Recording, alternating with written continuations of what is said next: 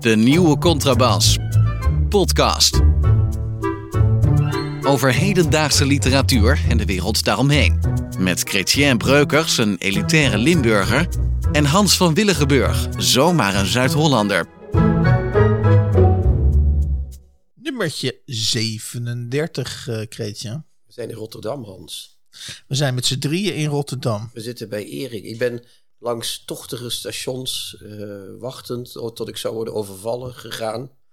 En, en toch aangekomen, zonder Ja. overvallen te zijn.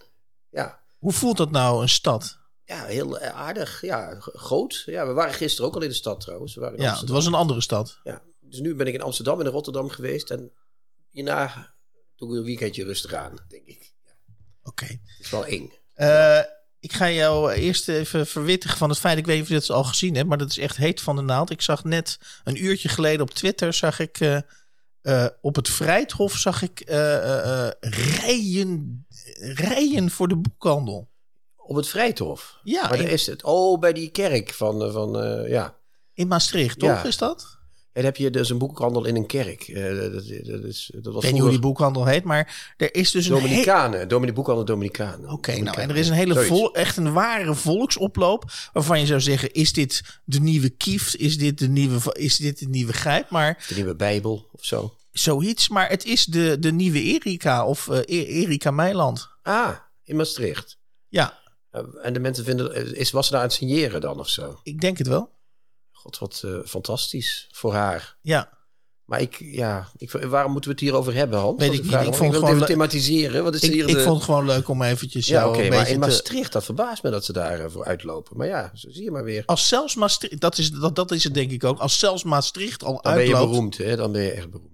Ja. Ja, dat is natuurlijk weer zo'n boek van, Jan, van jouw vriend eh, Jan Dijkgraaf, of niet? Eh, Eh, vriend is een groot woord, maar ik ken hem wel. ja, en die heeft, dat heeft hij wel slim gedaan, want hij doet dat zelf, hè? Ja, Hij doet dat met haar. Dus hij slaat de uitgeverij over, min of meer. Hij is uitgeverij. Hij maakt dus ook fantastische winsten met die boeken. ja, en hij had verwacht dat er met van Martin Meiland, eh, daar heeft hij er volgens mij 160 zei hij laatst, 160.000. Nou, dat vind ik wel heel veel. Ik weet niet of hij dat echt Misschien haalt. overdrijft Maar, hij een beetje naar boven toe. eh, maar hij had verwacht, omdat Martin Meiland natuurlijk min of meer het gezicht is van de Meilandjes, de bekende serie op televisie. Had hij, hij had zelf gerekend op de helft bij Erika. Maar volgens het zou mij niet verbazen als dit boek van Erika, vanwege de hoofddoekjesaffaire. Ja, dat was een affaire. Hè? Ze had iets een affaire. Dat heeft natuurlijk heel slim gespeeld. Dit is, ja, je kunt, eh, maar dit is natuurlijk wel eh, eh, les 1 boekenmarketing die hier wordt gegeven. Ja, nee, ik en ben- je, en je, je, je schrijft een boek over een bekende Nederlander, over, waar miljoenen mensen naar kijken. En twee, je creëert een klein relletje in dat boek over de hoofddoekje. Ja. En iedereen begint daarover. Nou ja, Ja, en, daar is hij wel slim in, Jan Dijkgraaf. Hè? en, dat en, kan de, wel. en een kind kan de was doen. Ja. ja, gek is dat. Hè? dat ik zou het ook willen kunnen, maar ik, ik zou niet weten hoe. Ik kan het niet. Maar ik vind het wel heel knap, al zou ik het boek nooit lezen. En ik vind ook, als ik heel even de moralistische toon Ja, heel opzetten. Hij heeft, eh, Jan Dijkgraaf heeft ook een boek uitgegeven over Henk Bres. En dat vind ik een soort fascist. Oké. Ja, Nou, we- dat moet je niet doen. oké. Nou, dan heb jij, landjes, oké, maar heb jij je moralistische Ja, ook puntje een keer, ook eh, weer gedrukt. hè, hè, wat fijn. Ja, lekker. Terug uit Maastricht, weer in Rotterdam. Waar gaan we mee verder? Eh, nou, dan wil ik, en dat is al even heet van de naald. ehm, namelijk dat Delphine Leconte, ik zou mensen... mensen Vriendin die, van de show, zouden we kunnen zeggen. Vriendin van de show, absoluut. Eh, voor mensen die eh, niet weten wie ze is, we hebben haar in aflevering 17, ik heb het even nagezocht, Prachtig gesprek. eh, prachtig gesprek gevoerd. Eh, ehm, de aflevering heette Circus Leconte. Ehm en zij wordt nu in de NRC min of meer, eh, nadat ze natuurlijk al heel veel dichtbundels heeft geschreven. En, eh, voor, en, en eh, eerder dit jaar met haar eerste bundel proza kwam. Eh, hoe heette dat ook alweer? Eh, help me even. Ja, dat- met iets met Ja, eh, eh, eh, oh, waarom? Ja, we zitten zonder laptop hier, hè? dan kan ik niet snel iets opzoeken. Ja. Beschermvrouwen van de Ja, verschoppelingen. dit is deel 2, geloof ik. Ja, hè? en er komt nu deel 2. En ik zal eventjes eh, uit, uit de inleiding van de NRC even citeren. Eh, het is een eh, eh, recensie geschreven door Thomas de Veen, ook een vriend van de show. Ja, Eh, we hebben allemaal vrienden. ja, allemaal vrienden. Ja. Eh, le- let op, Leconte schrijft uniek proza. Nou, dat vind ik dan nog Wel heel goed dat- gevonden, vind ik dat. Vind je niet aan het begin zeggen? Vind ik mooi. Hè? Wat, niet, je denkt, wat zou ze schrijven? Uniek proza. Ja, dus Leconte schrijft uniek proza, streepje. En dan komt het als de, schui, oh sorry, als de struise, schalkse liefdesbaby van Dimitri Verhulst, Herman Brusselmans en Marieke Lucas Rijneveld. En dat zijn dan weer de enige drie schrijvers die Thomas kent of zo? Of wat is dit voor uh, rare vergelijking? Hans, wat is dit? Hoeveel sterren had ze? Uh, vier. Geen vijf. Nee, maar ik vind toch wel dat de toon is dusdanig opgewonden. Van te, ja, en, en zoals we weten, eh, Thomas de Veen raakt niet zo gauw, hè? Nee, hij raakt niet zo snel opgewonden. dus als hij als die opgewonden raakt, zoals hij nu van Delphine opgewonden is geraakt, tenminste dat maak ik op uit die recensie. maar, maar Delphine uh, een struise liefdesbaby noemen, heb je Delphine wel eens gezien? Ja. Dat is een soort Lucifer, is dat uh, om te zien. Maar goed. Ja, okay, dus, enfin, uh, dus met andere woorden. Ik vind het raar, hoor, Hans, die wereld. Ik snap het allemaal niet meer. krijg vier sterren en dan word je nog beledigd ook nog. dan word je ja, uniek proza. Maar, maar, we, maar, we, zijn toch wel fan zelf ook van... De, ik ben een volledige fan van... Ik, heb er, ik ben een van de... Ik ben niet de eerste, maar ik ben wel de eerste die haar uitgaf zelfs. Ja, ja. ja. Dus, uh, dus ik, ik, ben, ik sta altijd... Ik ben team uh, Delphine ja, al ja. jaren. Dus ik, ik ga het eerste jaar dat dat boek van haar... Ik publiceerde haar debuut, wat later voor de Buddingprijs werd uh, genomineerd. Verzonnen prooi. Het eerste jaar werden daar 60 exemplaren verkocht van. Voor die prijs kwam. En weet okay. je aan wie? Nou? Aan haar moeder. Nee, echt. Ja. Zo begin je. Maar serieus, zo waren de enige verkoper ja, maar, maar zo, zo, begin, zo begin je een literaire carrière, toch? Ja, en nu is ze dus, uh, nu, is, nu is eindelijk Thomas de Veen afgedaald van zijn uh, wolk aan de weet, waar, waar, waar, zit dat kantoor van de NRC, weet ik veel. Ja. Uh, bij Scheltema daar ergens. En, ja, daar in de buurt. En, en heeft hij gezegd dat het heel goed is. Ja, hij is er lekker snel bij. Het heeft er twaalf jaar over gedaan. Prima. Ja, lekker. Zo, lekker, mooi. Ga door, Delphine. Chapeau. Chapeau. Uh, dan uh, wil ik even met je doornemen. Nederland leest. Ik weet, Kreetje. Oh god, nee, niet de CPMB. Wat, wat is dit, Hans? eventjes doorbijten. Eventjes, eventjes. ik moest al Erika Meidland en nu dit en dat. Ik ja, heb nog maar Nederland leest. Ja, maar Adriaan, of vind je dat ook al erg? Dat Adriaan van Disle... Nee, ik ben... Nee, nee. Nou, vertel eens wat er is, want ik weet ja. niet wat er is. Nou goed, uh, Nederland leest kiest dus elk jaar een boek en dat wordt, hè? Mag ik geloof, gratis. Ja, dat mag. Mijn moeder doet het altijd. Uh, en dat wordt dus maal zoveel honderd keer, honderdduizend uh, gedrukt. En dat ja. kan je dan gratis meenemen bij ja, de bibliotheek. Mijn moeder moet dat voor in de biep gaan halen. En dat, is, uh, en dat is dit keer Adriaan van Dis. Nou, dat is natuurlijk op zich wel een veilige keuze. En ja, de roman die we dus allemaal gratis mee kunnen gaan nemen, is De Wandelaar. Ik weet niet of je die... Ja, dat ik, is toch ik dat boek ooit... waarin hij ook over zijn seksuele escapades schrijft in de homoseksuele sfeer. Nee, hij woonde... De, de hoofdpersoon... dat niet, nee? De hoofdpersoon woont in Parijs en die, en die loopt door de buitenwijken met zijn oh, hondje. Ik denk, ik geloof ja, zelfs hij, dat hij... Oh, hij had een studio in Parijs. Ja, ja, ja Adriaan, klopt. Ja, ik weet het weer. Hij was net als Bas Heijnen. Hij was uitgevlogen ja. naar het Parijs van de existentialisten. Ja, en de kunst. Exact, exact. En de, en de, mensen die leuke cappuccino's drinken op... Nee, dat is in Italië. Nou ja, je weet wat ik bedoel. Ja, ja. Maar waar het mij, Oké, maar waar, waar het mij om gaat is dat... Uh, weer, hè? Maar goed, oké. Okay. Sorry. Waar, waar het mij om gaat is dat ook dit valt nog helemaal uh, in, in het stramien van Gaap. Ja. Namelijk, Adriaan van Dis kwam bij uh, Khalid en Sophie, die Vara uh, vroege ja. avondshow. Die kwam natuurlijk langs om even ja, te vieren dat hij dat, die, dat, die, dat het boek gekozen was tot het boek van Nederland leest. En toen vroegen natuurlijk die, die presentator aan hem... ja, Adriaan, waar gaat dat boek eigenlijk, ja, eigenlijk een over? vraag ook weer. Uniek, staat er ook uniek proza in, denk je, Hans, of niet? Ik denk het wel. Ik, denk, ik vermoed van wel. nou, en toen, uh, uh, toen ging Adriaan dus uh, gaap, gaap, weer opnieuw gaap uitleggen waar het boek een beetje maar over, over ging. gekleed, want hij is altijd Maar goed toen kwam het, en dat zinnetje heb ik even geïsoleerd voor de podcast. Ik denk, hier, hier moeten we het dus echt over gaan hebben. Uh, het, Adriaan ging natuurlijk uitleggen dat Parijs een multiculturele stad is en dat hij daar verschillende soorten kortom diverse mensen tegenkomt. Divers. En dan zegt hij op een gegeven moment, hè, want dan is natuurlijk de vraag, maar waarom moet heel Nederland dat lezen? Hè? Dat is natuurlijk ook een logische vraag. En dan zegt uh, uh, Adriaan van Dis, en dit is heel erg, dit vind ik echt heel erg. We moeten ons leren verhouden tot een Europa waarin 50% van de mensen van kleur is. Ja. En wat is daar Ja, ik snap wel wat je bedoelt. Maar dat vind ik zo. Kijk, maar daar, daar zit je in de kern maar vind je van dat, wat. Omdat zo'n elitair iemand dat zegt, vind je dat irritant dan? Zo van, nou, het, het, gaat er mij eigenlijk om dat literatuur. En uh, daar heeft uh, Arie Storm een paar afleveringen. Ook een vriend van de show trouwens. Ja.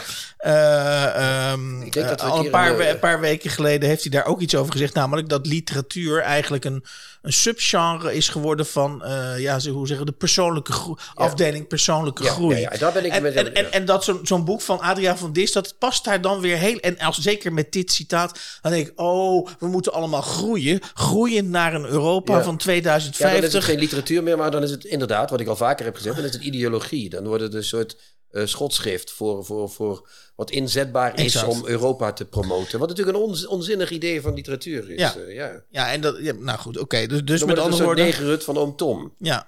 Hè, zoals ze vroeger dat boek van uh, Bieger, wat is het, hoe heet ze? Harriet Biegerstouw.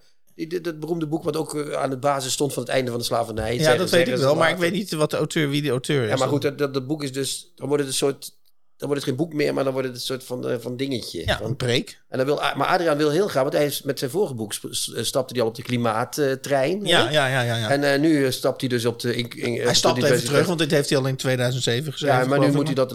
Zeg maar de recycling oude deuntjes, is dat een beetje dat Nederland leest. Hè? Zo van, dan, uh, dan pakken we eens een oude klassieker ja. eruit.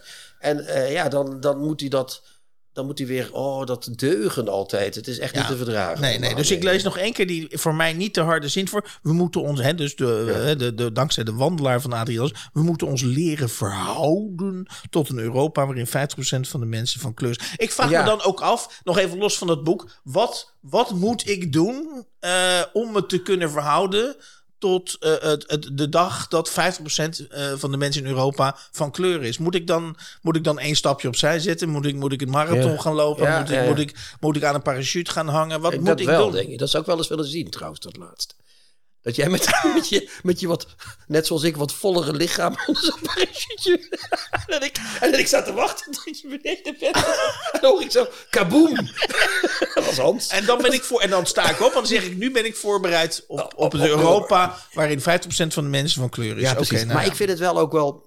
Wat ik me ook wel zou willen vragen aan Adriaan, meneer Adriaan, Ja, ja. um, die misschien nog geen vriend van de show is en het ook niet meteen zal worden, maar dat zouden we eigenlijk zijn. Hij moet, dat zouden we nou zijn. Dat zou ik wel eens aan hem willen vragen. Wat dat precies, waarom hij dat denkt dat dat moet. Dat, eigenlijk moeten we daar toch eens achteraan. Ja, we gaan Adriaan uh, aan, aan hem mailen. Ja. Uh, dan tot slot, want het, het slotonderwerp dat is te lang. En ik voel al een bepaalde tijd, zo ik weet niet hoe lang nee, we nee, bezig nee, zijn. we hebben maar... geen tijdsdruk, want we hebben geen gast vandaag. We kunnen Ja. rustig uh, Ja, tot... Maar uh, in ieder geval, het, het agentschap van Paul Sebus, dat hebben we ook. Nou, Ach, ja. was, heb nee, is nog, leuke onderwerpen Geen vriend van de show, of eigenlijk moet ik zeggen, nog geen vriend van de Nou, show. wij mogen niet meer vragen of hij vriend wil worden van de show, want hij behandelt geen post meer, zoals je weet. Nee, hij, hij, hij. Hij heeft het veel te druk met uh, andere dingen. Paul Sebus is zeg maar de, de godfather in Nederland van het literaire, van het, van het zeg maar commerciële literaire circuit. Hij heeft een agentschap waarin die auteurs. Hij was er al in Kopenhagen, had hij er ook iets? Ja, In- hij, eh, nee, in, in, in- volgens mij in Zweden. Maar Oh, hij, heeft dus, hij heeft nu een kantoor geopend in Londen. Ook, eh, of gaat hij openen?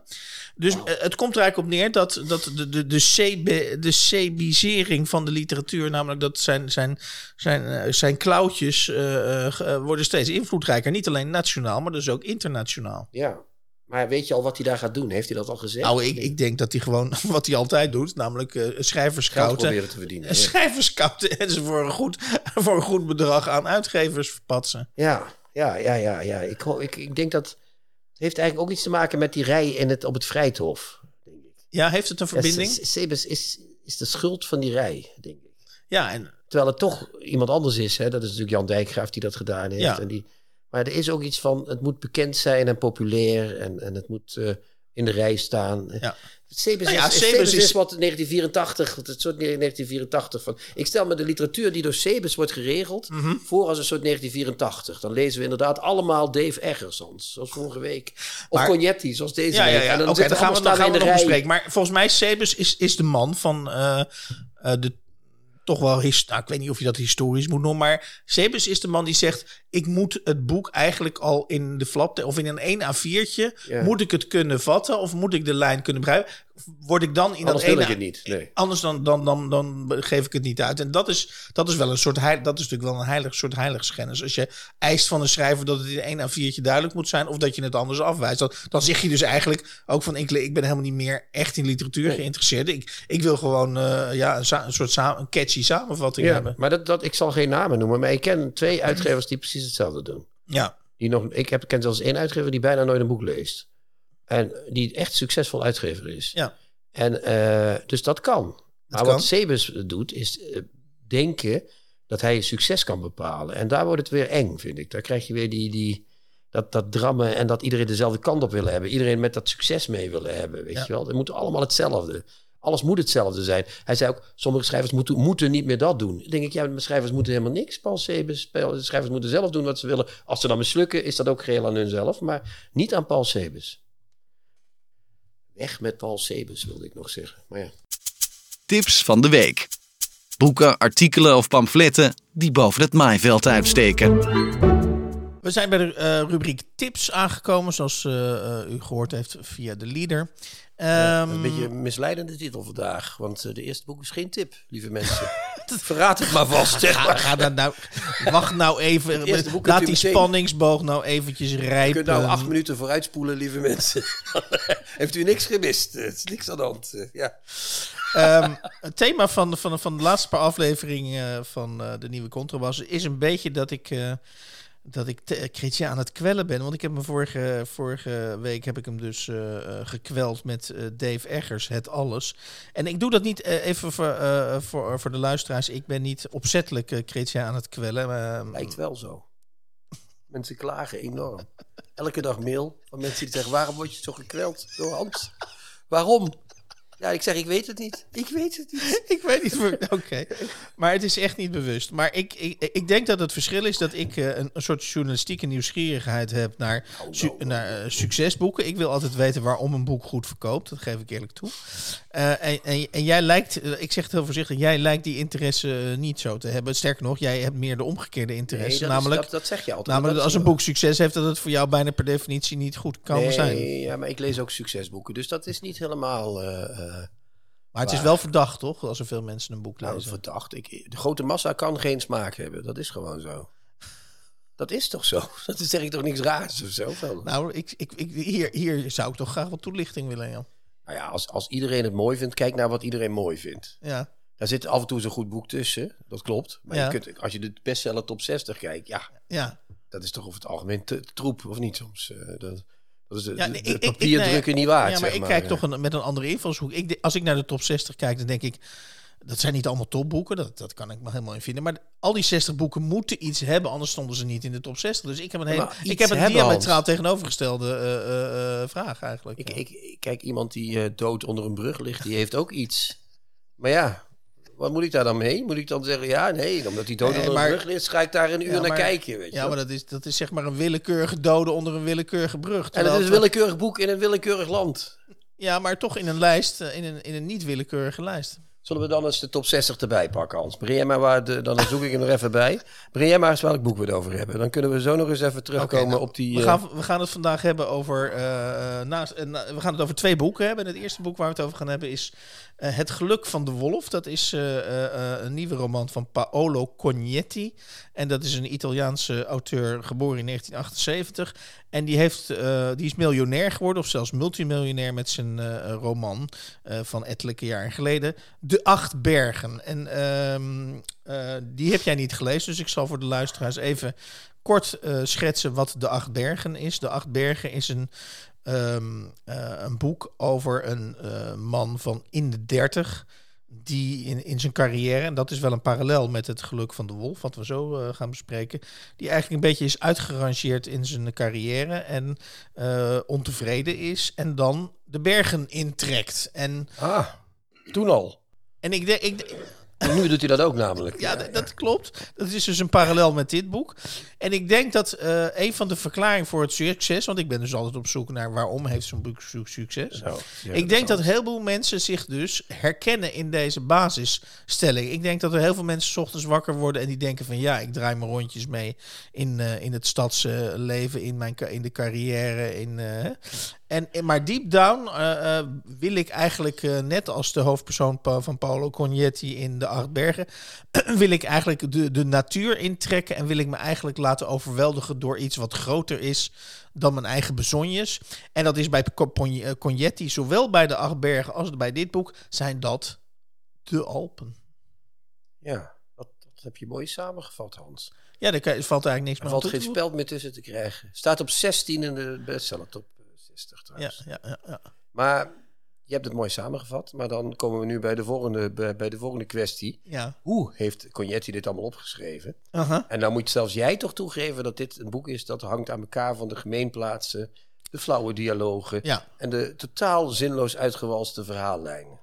Eh, daar ben ik het inderdaad grotendeels mee eens. Kijk, nou uh, we're talking. Ja. eindelijk komen we ergens. Ja. Eh, kijk, ik, wat, je, wat je volgens mij ziet, eh, of wat je, van, wat je zou kunnen zeggen over dit boek, is dat Cognetti volgens mij haar fijn door heeft dat die natuurbeschrijvingen. die- ja, ik heb hem ook op de foto van hem gezocht trouwens. Hij, hij- hij ziet er ook uit als een arrogante gast, vind je niet? Nou ja, weet ik niet. geen Een soort schapenherder met, met een Nee, hij ziet er meer uit zoals een vent die heel goed weet dat hij heel knap is. En die kan wel niet schrijven, maar als hij met zijn looks eh, kan hij de dames van 40 plus eh, Oké, oké. nog een beetje eh opfrutten. En, en dan schrijft hij van die rotte boekjes erbij. Dat vinden ze dan heel gevoelig, want die dames van 40 plus willen natuurlijk wel met, Paul, met Cognetti in een blokhut. Maar eh, dat kan niet. Dus dan kopen ze die boeken en dan, dan dromen ze dat ze met Ja. Cognetti in de blokhut liggen. En dat daar dan hele akelige Italiaanse dingen gebeuren al. waar we het hier niet over zullen hebben in de podcast. En dan schrijft die Cognetti als die klaar eh, is. Hè, wat sorry voor deze pun. Dan, dan gaat hij liggen zitten schrijven met, met zijn glaasje, weet ik veel wat ze daar drinken in die bergen. Gaat hij daar, terwijl hij schapenkaas eet en, en eh, leeft van, van wat, de, wat de berg hem schenkt. Eh, gaat hij, eh, terwijl hij waarschijnlijk gewoon de afvaldienst laat komen. Want die is rijk zat, die gast. Dus dat is echt totale onzin. En dan gaat hij daar zitten schrijven. En dan schrijft hij van die vreselijke zinnetjes. Lees eens voor, je hebt iets Ja, ik ga Ja. zo, dat ga ik zo voorlezen. Ja. Maar, maar eh, tot zover even jou, jouw theorie over het, het, het verdienmodel Cognetti. Ja, dat is gewoon oude vrouwen het hoofd op hol brengen. Ja, Oudere precies. vrouwen, moet ik zeggen. Sorry, vrouwen. Dat bedoelde dat niet zo, maar ja. Nou goed, oké, ja, goed. Maar Mijn observatie bij het lezen van dit boek is dat hij dus haar fijn door heeft dat zijn natuurbeschrijvingen. eh, eh, hij, hij, laat ik het zo zeggen. Ik heb Natuurbeschrijving. nou ja, dat hij meer Er was veel sneeuw, zegt hij dan. En dat is een natuurbeschrijving, Hans. Nee, Jawel. dat is flauw. zo dat is flauw. Hij, nee, ik ben niet flauw. Ik zeg Nee, hier precies zoals nee, het er staat. Lees maar voor. Nee, nee, echt niet. Nou, laat maar komen dan. Er stond een wand tussen me- de sneeuw en de Ah. berg. Ja, ik ben kwaad, Hans, dat je me dit hebt laten lezen. Dat, nu zul je het weten ook. ik wil- gewoon niet gezellig worden vandaag. Ik wil alleen maar zeggen, met jouw permissie, dat Cognetti eh, dus meer energie steekt in die natuurbeschrijvingen. Die vind ik af en toe ook soms saai zijn, maar soms ook best wel poë- hier en daar poëtisch. Poëtisch. Ja.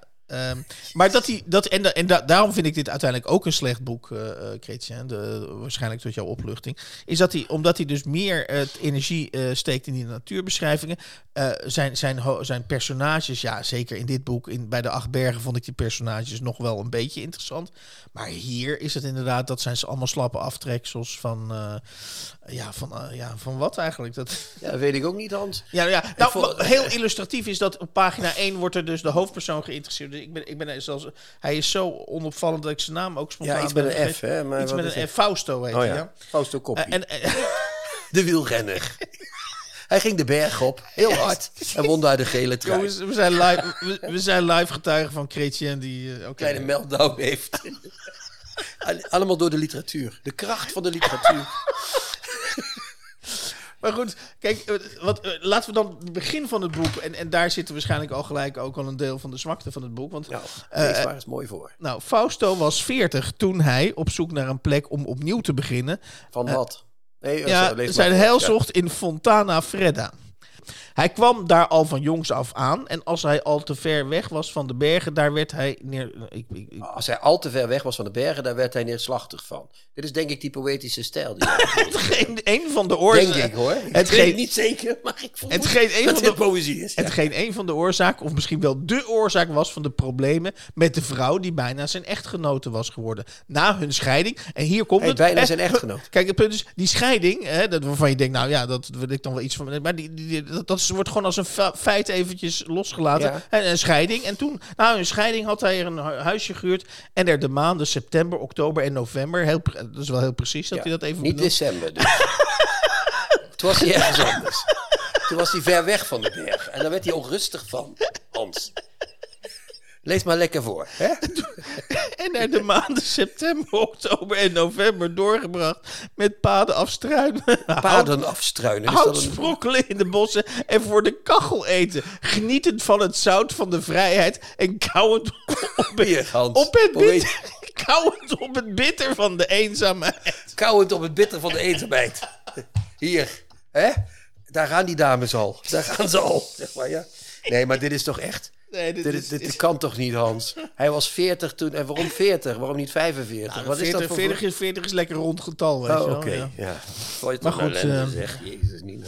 En eh, dan, maar goed, eh, jij had vorige week bij Eggers had jij een, een passage waar je definitief afhaakte. Dat, he- die heb Ik heb het nu ook. helemaal uitgelezen, wat natuurlijk wel geen hele grote prestatie is, want het is een dun boekje. Ja, maar goed. maar op pagina 123 eh, lees ik dan even de volgende dialoog voor. Werk je in het donker? Ja, dat is rustiger. Is er al thee? Jazeker, met heel veel suiker, zoals jij het lekker vindt. Om, nom, nom, nom, nom. Er kan nooit genoeg suiker in zitten. Wat je gelijk hebt, zeg dan. Hier, dat zijn weer vier regels. Huppakee, denkt eh Cognetti. Hup, doorschrijven, ja. Ik moet toegeven, het, eh, als dit Hoe heet boek... het boek ook alweer? Ik ben het helemaal vergeten. Wolf, het hart en de, het geluk van de wolf. Ja. Ja. want er wordt ook nog een beetje gesuggereerd dat de wolven in dat gebied terugkomen. Ja. hè? En hij voelt zich ook verbonden met de wolven. Ja. Maar we komen er niet helemaal achter waarom. dat is dan weer jammer. Maar het maakt toch allemaal niks uit Ja. in dit boek. Het Dus- is gewoon, dus- gooi er maar wat in. En- Cognetti doet een hele dappere poging om mij inderdaad wel een dwaalpad op te sturen. Dat ik zelf ook niet meer begrijp waarom dit in de top 60 Nee, eh, maar staat. op 16. En hij staat nu op 16, dus als hij nog verder doorstijgt, wordt het raadsel inderdaad ja, nog en, dan, groter. en op één staat Anniette van der Zijl, zie ik. Dat is ook wel zoiets vreselijks. Maar goed, daar hoeven we het gelukkig nooit over te hebben.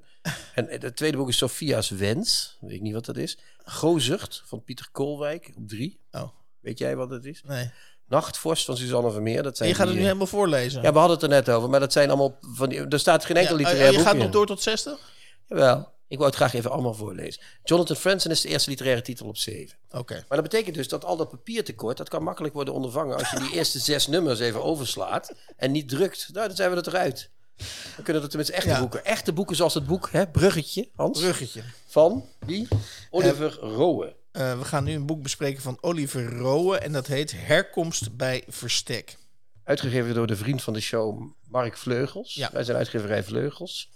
Ehm, Dan mag jij de aftrap doen van dit boek. ja, vertaald door Katelijne de Vuist. Eh, die heeft het uit het Frans vertaald. Rowe is een eh, schrijver van Libanees-Franse afkomst, als je dat zo kunt zeggen. Hij heeft, is in Beirut opgegroeid. De 17e Mhm. Ja, naar Frankrijk getogen. Dat zeg jij nu wel, maar dat staat dus niet op het boek, maar dat moet je dus opzoeken. Ja, dat moet je dan op de website van de uitgeverij zoeken. Ja, de uitgeverij eh, eh, eh, zet niet veel op, op het boek over het boek. Er, er staat zelfs geen auteursfoto op en ook eigenlijk geen, bio, geen, geen korte biografie inderdaad. Nee, het is heel chic. Je moet het echt op de website zelf zoeken.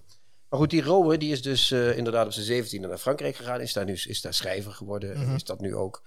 Ehm, dit is, eh, ik, kende, ik kende zijn naam niet, moet ik eerlijk zeggen. Dit is mijn eerste Ik kennismaking met. En een heel mooi boek. Wat, wat, er, wat, er, wat, wat het boek is, is een, een man. Ja. De reist naar zijn geboorteland. Ja. Wat niet genoemd wordt bij naam.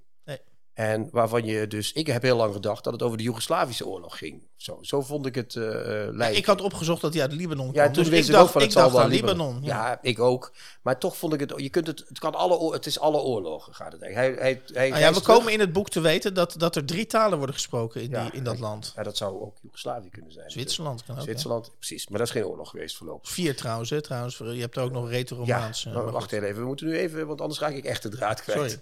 Ehm, hij, hij reist met het vliegtuig terug naar zijn land van herkomst, waar Ja. oorlog of burgeroorlog is geweest. Ja.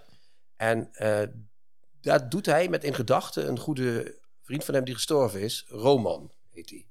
En die Roman die praat voor hem of door hem, of hoe moet je dat zeggen? Hij, gaat al zijn herinneringen aan, aan de herkomst, eh, waar hij dus weer naar terugreist. Ja, eh, en de oorlog die daar geweest is, gaat hij via die vriend, neemt hij die door. ja en, en, en hij laat vanaf het begin van het boek laat hij blijken dat eh, die Roman, die dus inderdaad constant in zijn oor tettert. eh, eh, en dat, hij vindt ook zegt... En dat hij aan het begin zegt, nou, ik, wil, ik ben juist weggegaan uit dat land om nooit meer met die, met, met die stem geconfronteerd te, Ja, te ja, worden. en, en de paradox is dus dat hij nooit meer met die met stem geconfronteerd wil worden. En vervolgens het hele boek lang, eh, die stem, waarschijnlijk veroorzaakt door het feit dat hij teruggaat naar dat land, de hele tijd die stem van die Roman hoort. En zoals ik het opvat, maar misschien moeten we deze conclusie misschien een beetje opschuiven, is dat Roman, eh, hij zelf, uiteindelijk die Roman hij zelf is. Dat kan, dat En, kan. en, ja. en, en dat, dat, dat hij eh, zeg maar het, de persoon is die nog in zijn geboorteland eh, woonde.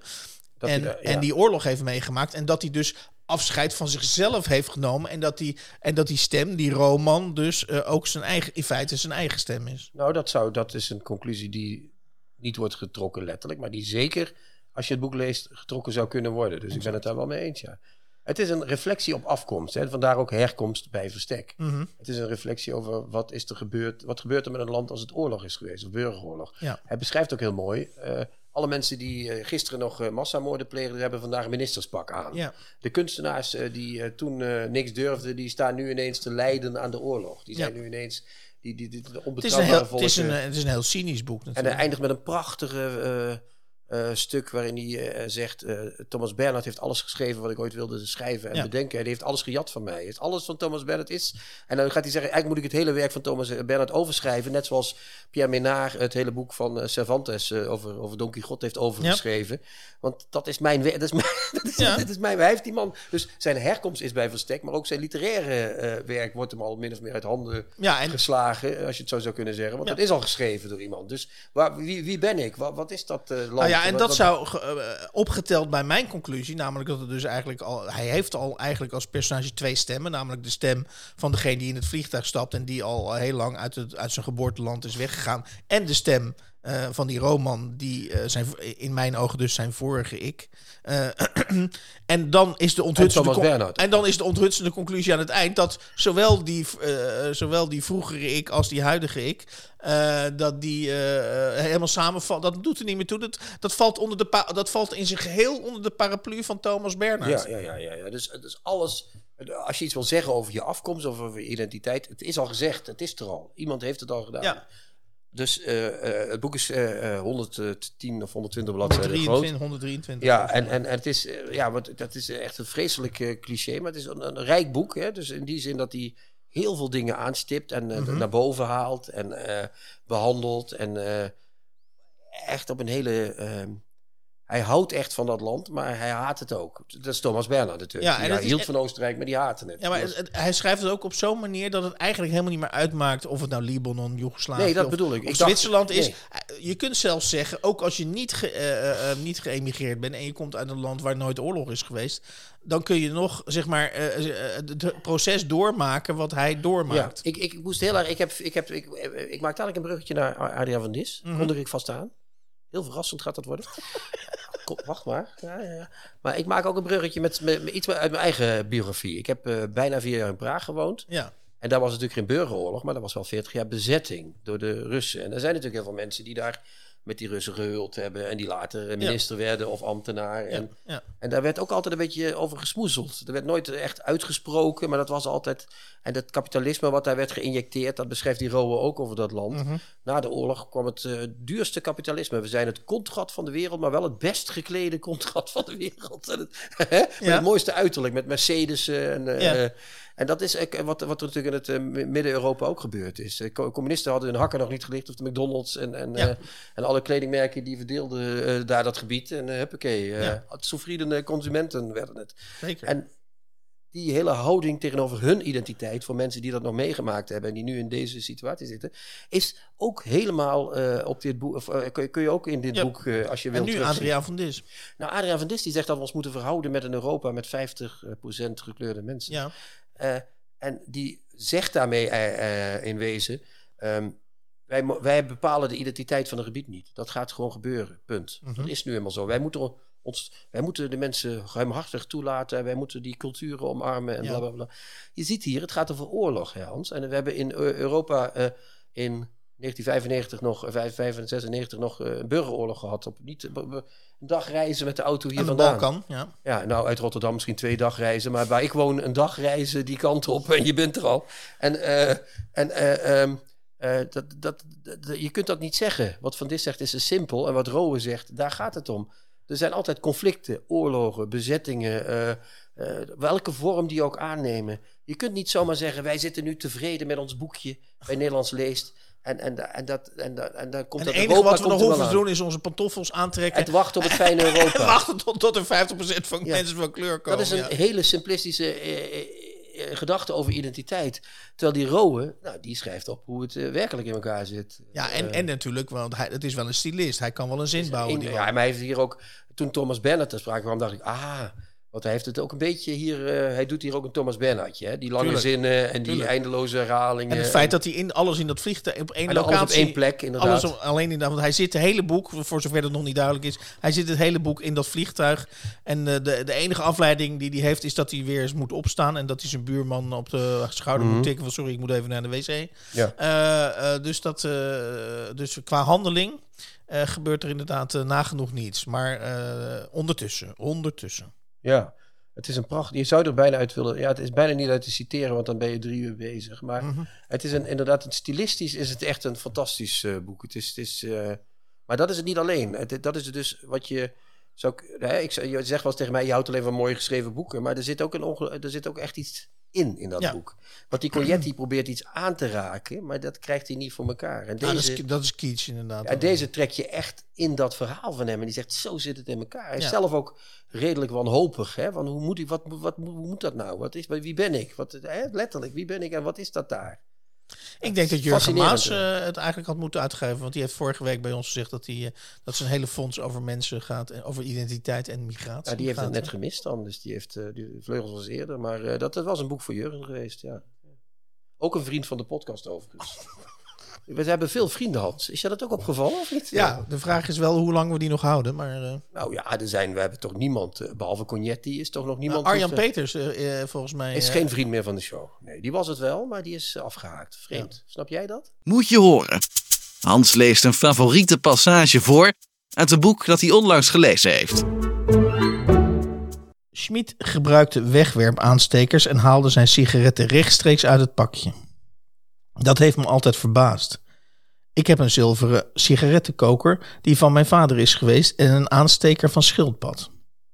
Zulke accessoires zijn belangrijk. De lichte klik van de aansteker, de zwaarte van het zilver, het openspringen van de koker. Dat is allemaal ook een bescherming tegen de lelijkheid en de gewelddadigheid van de wereld. Maar misschien moet een politicus zulke concessies doen. Zoals de onnozele prins Heinrich Pet met klep, die totaal niet bij Schmids perfecte pakken paste. Nu is Helmoet Schmid dood en roken overal verboden. Je kunt je niet voorstellen dat Angela Merkel ooit in een talkshow zou roken of haar neus met snuiftabak zou volsmeren. De mensen zeggen dat roken niet meer in deze tijd past. Het veroorzaakt kanker, hartziektes, veroudert de huid en hindert de omgeving. Dat is allemaal waar, denk ik en steek een sigaret op. En dan, terwijl ik aan het roken ben, denk ik aan Jean-Luc Godard's film Breathless. Ik weet nog dat ik die voor het eerst in Rome zag in een klein kelderbioscoopje bij zijn 25-jarig jubileum. Jean-Paul Belmondo rookt al in de eerste shot en gaat daar de hele film mee door. In de laatste scène, als hij, nadat er op hem is geschoten, op straat rondloopt, rookt hij nog steeds. Als hij bezwijkt, neemt hij zijn allerlaatste trekje. Dan valt de sigaret uit zijn mond en die rolt over de kinderkopjes. Hij zegt geluidloos tegen zijn fascinerende geliefde Jean Sieberg dat ze walgelijk is, glimlacht naar haar en sterft. Ja, natuurlijk, we moeten stoppen met roken en verstandig leven. We moeten ook geen suiker meer gebruiken en geen vlees meer eten. Absoluut. Dat was het geweldige aan Helmoet Schmid. Het interesseerde hem gewoon niet.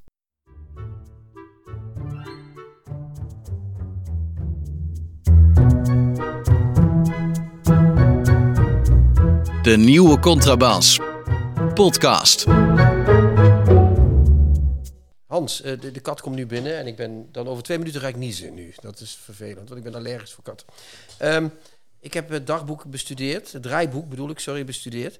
En er staat het onderscheid tussen schrijven, typen en vertellen. Ja. Daar wil ik graag iets over vertellen, maar ik weet niet waar, wat precies je bedoeling is van dit intrigerende zinnetje. Nou ja, ik, eh, ik, heb, ik heb een soort. Uh, uh, aanleiding, dat komt niet zomaar uit de lucht vallen, want het is naar aanleiding van uh, de terugkerende discussie die we eigenlijk hebben over uh, succesboeken. Nou ja, uh, we hebben ergens gehad. We hebben helemaal in het begin van de, van de podcast hebben we natuurlijk Ilja Leonard Vijver met uh, Hotel Europa gehad. Dat was echt een legendarische kibbel. Volgens mij hebben we daar heel wat luisteraars in ieder geval mee opgepookt om ons te gaan volgen. En ik zag iets terug. Ik meen iets terugkerends te zien in. Uh, in of in, nee, laat ik het anders zeggen. Ik zie op een gegeven moment patronen in onze discussies. Uh, en volgens mij is het patroon uh, bij jou. Maar goed, daar mag jij zo op reageren. Het patroon bij jou is dat. Um, als er te. als er er, wordt, of er wordt goed bij jou geschreven, dat vind jij het belangrijkste. Er moet goed geschreven worden. Want een van de redenen dat jij bijvoorbeeld Cognetti net hebt afgewezen, is dat jij, en daar had je in dit geval ook, vond ik gelijk in, dat het gewoon slecht geschreven is. Dus met andere woorden, slecht geschreven is het sowieso, valt het sowieso af. Um, maar uh, uh, wat je bijvoorbeeld bij een boek als Grand Hotel Europa uh, ziet, is dat ik denk, ja, het is misschien niet top geschreven, maar er wordt iets in verteld uh, wat ik dusdanig de moeite waard vind. Dat het feit dat, ik het, dat het iets minder goed geschreven is. Uh, of op de koop toeneem. Of dat, ja, vergeef, dat, dat, vergeef, wel, ja. dat vergeef ik hem dan. En uh, nu nog even het Dus we hebben het over vertellen en schrijven. En dan heb je ook nog typen. Dat vond ik een heel interessante toevoeging. Maar bij Eggers had je, was je walging dus, dusdanig groot dat je zei: ja, maar dit, dit, is, dit, dit is eigenlijk geen schrijven meer. Dit, dit, dit is typen, inderdaad. Ja, dat had ik van Truman Capote. Die dat over, of zeg je Capote? Nee, Capote. Die zei dat over Jack Kerouac. This is not writing, this is typing. Mm -hmm. Die vond dat zo slecht. Dat was gewoon, dat was niet eens meer schrijven, dat was gewoon typen. Uh, ik, ik ben geneigd, ik heb wel eens iets van Kerouac proberen te lezen en dat vond ik inderdaad ja, het type, ja, ja, ik vond, vond ik vrij slecht, maar goed, oké. Okay. Ja, kan. Ik, ik, ken alleen maar één boek van hem, namelijk On the Road en dat is, uh, ja. Maar goed, dat zou dus verklaren. Uh, uh, nou ja, je mag eerst reageren. De, de, interessante vraag die er eigenlijk achter zit is: kun je en goed schrijven en waanzinnig goed vertellen tegelijkertijd? Ja, dat kan misschien, maar geef dan. mensen kunnen dat. Ja. Ik heb net willekeurig, we zijn bij Erik, hè, we zijn bij de technicus, bij de ja, producer ja, en technicus. Ja, heb ik willekeurig twee boeken echt letterlijk uit de kast getrokken. Eén daarvan is Gerbrand Bakker, boven is het stil. Mm -hmm. Zal ik daar de eerste alinea's van doen? Ja, doe dat maar. Ik heb vader naar boven gedaan. Nadat ik hem in een stoel had gezet, heb ik het bed uit elkaar gehaald. Hij bleef in die stoel zitten als een kalf van een paar minuten oud, nog voor het schoongelikt is. Met een ongestuurd wankelend hoofd en ogen die zich nergens aan hechten. Ik heb de dekens, lakens en de molton van het matras gerukt, het matras zelf en de beddenplanken tegen de wand gezet en het hoofd- en voeteinde losgeschroefd van de zijkanten. Ik probeerde zoveel mogelijk door mijn mond te ademen. De kamer boven, mijn kamer, had ik al leeggeruimd. Dat is één alinea. Jij leest beter voor dan ik. Dat, is dat, nou, dat, dat weet ik niet. Maar ik heb wel... Uh, nou, dit is dus... Als ik het zou moeten klassificeren, dit is schrijven. Hij beschrijft hier dat hij zijn vader naar boven gaat doen. Je weet nog niet waarom, maar je gelooft het meteen. Die vader die gaat naar boven. Dat is een ding wat zeker is. En waar ik al meteen uh, voor val, is voor dat kalf van een paar minuten oud. Mhm, mhm. Je ziet die vader met het beetje het hoofd dat zo, uh, een beetje zo. Dat is al een baby bijna. Hè? Die mhm. oude man is al een baby geworden. En dan gaat hij dat helemaal beschrijven hoe die allemaal uit elkaar haalt. Dat wordt dan weer vrij des descriptief. Ja, hè? Dat is allemaal beschrijvend. Ja. Dat is beschrijvend, dat is hetzelfde. Hè? Dus dankjewel voor de vertaling, Hans.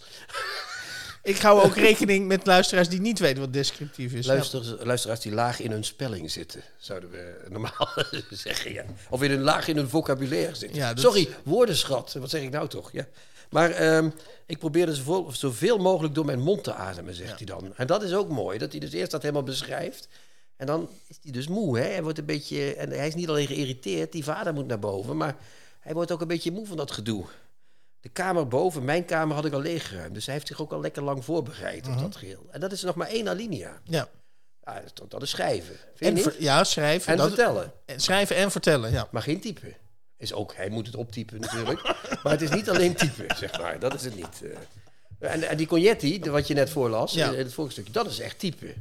Dat is, ah, maakt niet uit, joh, rot er maar wat tussen. En ik zit er in december niet. Ja, uh, er zit wel veel of te weinig suiker in de thee. Ja, ja. precies. Dat is allemaal. Dat is niet. Daar denkt hij, hij, hij, Dit is bijna al een tafereel in zichzelf. Dit, dit is al een levende alinea. Dat is te schrijven. Ja. En wat die Cognetti doet, is typen. Dus nu, uh, je, hebt, je hebt nu eigenlijk Gerban Bakker, de eerste pagina van Gerban Bakker, heb je nu tot uh, live uh, in de nieuwe contrabas eigenlijk tot, tot nieuwe standaard van, het, van, van de literatuur gebombardeerd? Nou, ik denk wel, ik, persoonlijk, maar ik ben niet de, de kennen. Maar ik vind dat een van de mooiste romans van deze eeuw. Tot nu toe zijn we 21 jaar ver. Mhm. Dus we zijn er nog niet. Hè?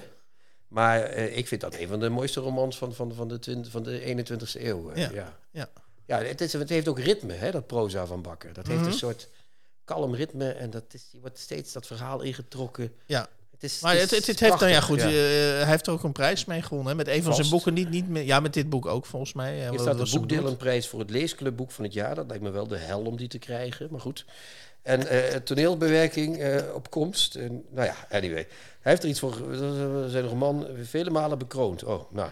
Ja. Ja. Weten we dus niet wat. Maar hij heeft er ook volgens mij ooit een internationale prijs mee gewonnen. was dat met dit boek? Oh ja, dat hij in Ierland of zoiets... Ja, uh, zoiets. niet de With Bread of zo. Nou ja, goed, dat de, de, weet ik niet. Maar dat gaan we opzoeken. De Dominee Paisley prijs voor vertaalde boeken. Ik weet het allemaal niet, Hans. Sorry. Nee, maar, nee. maar het is wel een mooi boek. Ja, ja maar je hebt nog een boek liggen. ook de Jong. Ook, ook, ook, opwaai, opwaaiende zomerjurken. Dat is een experiment wat we nu aangaan. Want ik heb heel erg van, van Oek de Jong gehouden. Van het eerste boek van Oek de Jong. Daarna ben ik hem een beetje kwijtgeraakt. Ja. En hij mij. Geen vriend van de show, vrees ik. Nog niet. Gerbrand wel nu, vanaf nu. Um, maar dan gaan we dus proberen, wat, wat, wat is ook de jong? Hè? Nou ja, wat is dat schrijven of is dat typen? Dat gaan we nu proberen. Dagenlang had zijn moeder al het mogelijke gedaan om hem in evenwicht te houden. Steeds had ze op kritieke momenten met een blik van verstandhouding, een fronsen van haar wenkbrauwen of met listig voetenwerk onder tafel zijn vader en zijn jongere broertje en zusje eraan herinnerd dat hij ontzien moest worden. Nu en dan had ze op subtiele wijze de afspraak onder zijn aandacht gebracht om, er, om hem er op de dag zelf niet mee te overvallen. Iedere avond had ze op de rand van zijn bed gezeten en met net zoveel vlinderkusjes gegeven als zij maar wilde. Ze had al zijn vragen beantwoord, waar mogelijk angst weggenomen en geluisterd naar zijn beschrijvingen van dingen die hij had waargenomen of meende te hebben waargenomen, tot hij mompelend in slaap viel. Laat ik beginnen met de vraag. Ik schrijf de hete aardappel even naar jou. Wat vind jij hiervan als je dat hoort? Ik vind het wel... Uh, het is mooi, hè? Het, het, het, komt in de buurt, uh, op zijn minst, bij German Bakker. Ik denk dat, je dat, dat het dat is. Het komt in de buurt. Maar wat ik merk als ik het voorlees... Ik maakte ook een fout onderweg. Bij, dat heb je bij Bakker niet, die neiging. Het is net iets te veel, heb ik het idee. Het is mooi, maar hij overdrijft het een beetje. Hij, hij gaat net... Hij zegt ook... Uh, op kritieke momenten met een blik van verstandhouding... en frons van wenkbrauwen of met listig voetenwerk... En, eraan herinnert dat hij ontzien moest worden... En dan nu en dan had ze op subtiele wijze de afspraak onder zijn aandacht gebracht. Ja, denk ik. Ja, hij zegt een paar keer hint hij op hetzelfde. Ja, dan gaat hij een beetje op hetzelfde been staan steeds. Ja, en dan denk ik dat had, als ze daar een paar zinnetjes uit had gehaald, dan was het inderdaad Gerben Bakker geweest. En nu moeten we ook de jongen helaas zeggen: het is een schrijver. Maar Sub, van suboptimaal. Klasse 2, zal ik maar suboptimaal. niet, niet, geen Gerbrand Bakker, zal ik maar zeggen. Het is geen, zoals ze vroeger zeiden, geen Pink Floyd is het. Maar het is aardig, maar het is geen Pink Floyd. Ja. Het is, het, dus ook de jongen is goede schrijver. Geen ja. typer, ja. zoals Cognetti. Maar ook, die zit ertussen. Oké, okay, dus alle luisteraars uh, van de nieuwe Contrabas podcast die schrijversambities hebben, uh, die gaan nu... Uh, Boven is het stillezen. Ja, ja. ja. En Als dan, ze dat al niet gedaan hebben natuurlijk. Ja, ja, tuurlijk. En, en, en dan, dan zijn ze, hebben ze een, een deel van de sleutel hebben ze in handen. Maar het probleem is dat we nu moeten proberen te formuleren wat de sleutel is. Hoe kun je zo'n alinea schrijven? Talent. kun je schrijven? Ja, dat ben is ik, ben talent. Ik, ben ik vrij simpel in, maar ja. Ja, dat is talent. Dat denk ik ook, ja. En het is natuurlijk ook... Uh, kijk, dit is een prachtig begin. Bak Bakker heeft ooit verteld dat hij uh, een redacteur had... Die, daar zaten hele harde seksscènes in, de, in, in het boek. In het oorspronkelijke In het oorspronkelijke manuscript. Die zijn er ja. toch uitgehaald. En hij zei dat hij dat toen heel erg vond. En dat zoiets hm. had van de, die redacteur, die kan mij wat. En dat het toch gebeurd is. En dus het is misschien talent gemengd met iemand die het boek met een liefdevolle blik leest en je voor een aantal, mm -hmm. zoals wij Erik hebben, die onze flauwiteiten eruit schnitzelt en ja, uh, die, ja. als wij uh, weer eens denken dat we geniaal zijn, zegt nou dit was vandaag weer helemaal niks. Ja. Zo iemand, hè, die, die, die een beetje op de juiste pad zet en die zorgt dat je focus houdt en uh, dat soort dingen. Ja, we zijn bij Erik in huis, dus ik probeer ook een beetje hem te pacificeren, zeg maar. Um, maar, maar, maar dus, dus talent gemengd met iemand die het goed leest. En ik denk dat ook de jong ook, dat weet ik wel zeker, die heeft natuurlijk ook een, een, een, een groot talent. Dat is Mhm. geen, eh, geen eh, koekenbakker zoals jullie hier zouden zeggen. Of is dat Haars? Nou ja, weet ik niet. Maar eh, dat is, dat, die had misschien hier iemand moeten hebben die zei... Oek, Ja, een klein beetje bij sturen. oké. dus, dus, dus, dus we, maar, maar op het gevaar af dat we nu eigenlijk de essentie in, in ongeveer 5 à 7 minuten geraakt hebben. Nou ja, dat weet ik niet. Want we moeten dan ook nog naar... Waar, hoe kan het dat zo'n boek als dat van die Cognetti... hoe kan dat uitgegeven worden? Hoe kan het dat iemand dat leest en denkt... ja, omdat het goed verkoopt. Maar hoe kan iemand ooit het eerste boek van Cognetti uitgegeven hebben... en denkende van, ja, laten we het eens proberen. Hoe, hoe, hoe, wat gebeurt er dan in zo'n organisatie die een uitgeverij is... dat dan toch dat boek erdoor slipt, een bestseller wordt... en dat iedereen vanaf dat moment denkt, die Cognetti die kan schrijven. Terwijl Ja. hij alleen maar kan typen.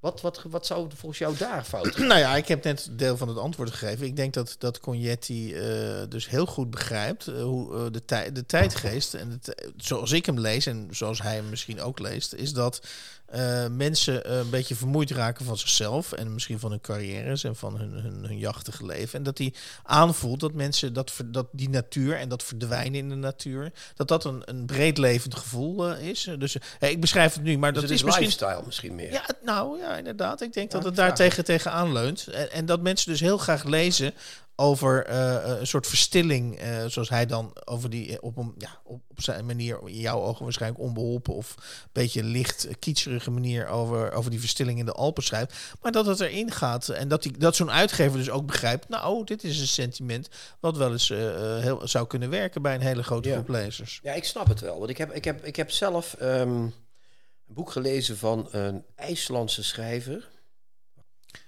En dat is een, een, dat is een man die schrijft over de verstilling in, in, in, in, in, in, in, in bevroren landschappen, sneeuwlandschappen, mm -hmm. vissers op zee. In, in, in IJsland rijkelijk in aanwezig. In IJsland rijkelijk aanwezig.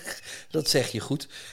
ja, en die, die, en dat, dat is allemaal vreselijk en die mensen gaan dood. En uh, dan, dan wordt ook nog eens een keer... Uh, moet die man ook nog naar, uh, naar, naar, naar de weduwe of naar het meisje van die man die dood is, weet je wel. Ja. En alles is... Het is ook een beetje kitsch, maar dat is, als je dat leest, dat... dat dat grijp je meteen bij de strot en dat, mm -hmm. dat, dat gaat maar door. En dat, dan denk je, ja, ik vind het eigenlijk een flauw verhaal, maar ik moet dit weten wat er gebeurt. Dus die heeft ook weer een talent. Ja. Want een verhaal, een, gewoon een beetje een, uh, uh, een, een, zijn verhaal schrijven, moet je ook talent voor hebben. Mm -hmm. Er zijn natuurlijk mensen, uh, je had vroeger Toon Kortooms of zo, het zijn natuurlijk vreselijke boeken, maar hij had wel een talent om dat verhaal op te zetten. En mm -hmm. om, om, om dat even neer te zetten. En dat, dus dat, dat talent kan alle kanten op. En hij heet overigens... John Kalman Stefans. Ja, John Kalman Stefans. En, en, en ja. ook, ook raar, altijd dezelfde soort boeken. Uh, ja. Een klein beetje. Nee. En, en, toch lees je dat echt als, als een trein. Dat, is, en dat maar zijn dikke wat, boeken. Wat ik interessant vind, ik bedoel, ik denk dat we op dit moment. Ja, we, we, ik, ik, denk dat we heel weinig onzin in de afgelopen paar minuten hebben. Maar, maar het zou wel tot, de, wat mij betreft, wat trieste conclusie leiden. Uh, zeker met de voorbeelden ook die we genoemd hebben. Dat dus, zoals jij het uitlegt nu, en ik denk dat het wel dichtbij zit bij hoe het echt zit, is het toch een kwestie ook van. Het is talent, maar ook een soort evenwicht. Hè? Dus met andere woorden, jij schrijft iets en als het goed is, word je heel erg geholpen door een goede redacteur die een soort tegendruk geeft om het optimale uh, resultaat in zekere zin te bereiken. En dan vraag ik, ik vind zelf bijvoorbeeld boeken van Céline uh, of boeken uh, die, die misschien een beetje uit de bocht vliegen. Die die, ja, maar die, dat, is, dat is weer een nieuw aspect, want bij Céline... Dat vind ik juist wel fijn ja, als want, ik zo... Want Reis naar het einde van de nacht bijvoorbeeld. Ja, precies. Dat is een boek waar een hedendaagse redacteur van zou zeggen... Louis Ferdinand, zou je dat laatste stuk van die reis van het einde van de nacht er niet afhalen? Ja. Want dan zit je ineens weer in Parijs en wat, dan, dan wordt het ineens een heel ander boek. Maken we twee boeken van. Ja. Niet zo'n dik boek, we maken er gewoon twee van. En dat is, dat, dat is natuurlijk nooit gebeurd. Die Celine heeft waarschijnlijk nooit een redacteur nee, gezien. je zou zelfs alle, alle Russen uit de 19e eeuw... die Ja, zouden, die- zouden onder, onder, onder, onder de moderne redacteuren anno 2021 waarschijnlijk... Ja, wat zou daarmee gebeuren? Maar goed, dat Ja, we- dus misschien moeten we de rol van de redacteur ook niet te groot maken. Eh, je moet ook een boek kunnen laten ontsporen, wat jij eh, min of Ja. meer suggereert, denk ik. Hè? Graag zelfs. En dat is eh, ook mooi natuurlijk, want Celine schrijft aan boeken die eigenlijk als een soort, eh, die zitten volledig gammel in elkaar. Maar het is toch een pracht. Er zitten Ja. prachtige boeken bij. Ja. En daar, je hebt gelijk. Dus je moet een schrijver ook de kans geven om zijn talent een beetje te laten eh, renderen. Ja. dat hij wat, eh, wat Ja, wat, want ik, anders krijg ik zo'n beeld van de literatuur... en dat zou mij heel, heel erg teleurstellen. Als een soort boetseerkunst. En, en, en daar hou ik niet van. Ja, want je hebt ook... Je had bijvoorbeeld... Je hebt een hele goede redacteur in... in, eh, in eh, hoe heet die? Eh, Jasper Henderson. Die heeft bij Ja. verschillende uitgeverijen gewerkt. Die is overal geweest. Ja, die, ik heb die naam keer valt met- heel vaak. En ik heb één keer met hem gewerkt. Hij is ook echt heel goed. Eh, maar die heeft wel... De, soms zie je aan boeken die hij heeft uitgegeven... Zie je, dat, zie je hem in terug. Als je begrijpt wat ik ja, bedoel. ja. En dan wordt het te veel, weet je wel. Dan, dan, dan wordt de redacteur... Dan zie je dus de, poetseer, de poetseerhandjes van Ja- Jasper. En dat, is, dat zijn vaak ook wel goede tips die hij heeft. Dat is zeker zo. Dat is zeker geen, slechte redacteur, maar dan wil, dat wil ik niet. Ik wil niet, dat ik, ik wil niet het werk van een redacteur lezen. Ik wil het werk van de schrijver lezen. Nou jongens, wat een, wat een hoogkwalitatieve content in, in, in de afgelopen tien minuten. In feite, in feite kun je alle schrijverscursussen in Nederland kun je nu gewoon opheffen. En je, kun je zeggen, nou luister naar de laatste minuten, tien minuten van de 37e aflevering van de nieuwe Contrabas podcast. En dan heb je ongeveer, heb je wel in de smiezen hoe het moet. En nou, ze moeten mij en jou ook dan wel uitnodigen, ook af en toe nog, om dat uh, voor veel geld uh, te vertellen tegen de mensen. Ja. Dat lijkt me dan het allerverstandigste. Doen we dan samen gewoon. Want wij weten precies hoe het zit. Ja. Hans en ik komen naar u toe. Deze zomer. En ook in de winter. Maakt niet uit.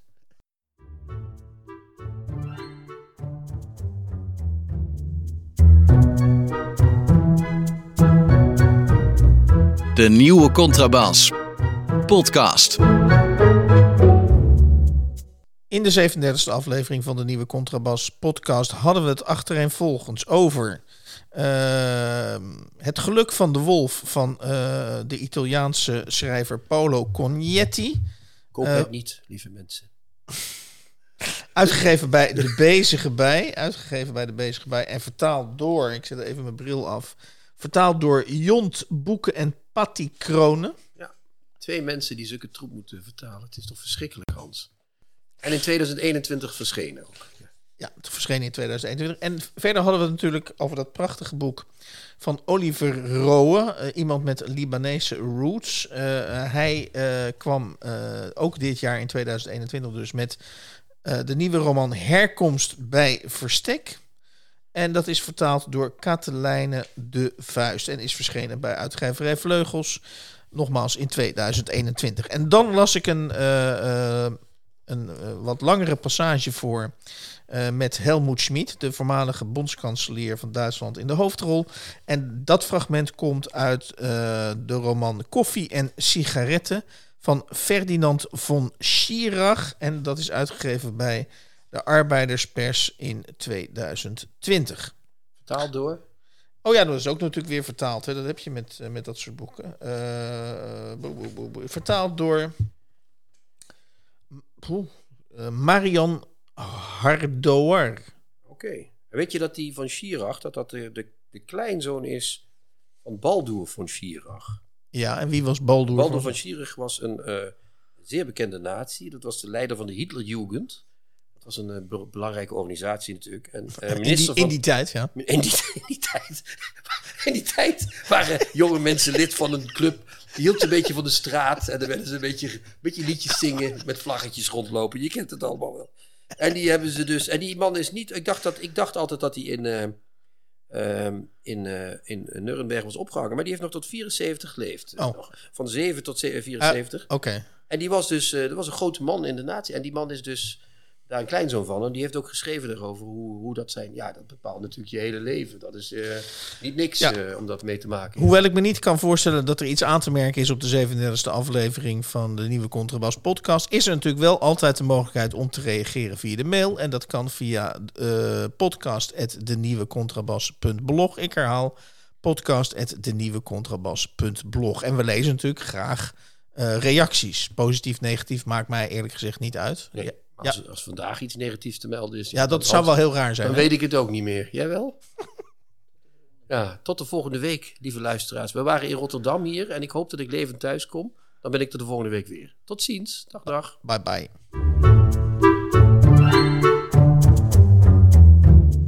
De nieuwe Contrabas podcast wordt gemaakt door Chrétien Breukers, Hans van Willigenburg en Erik Lindenburg.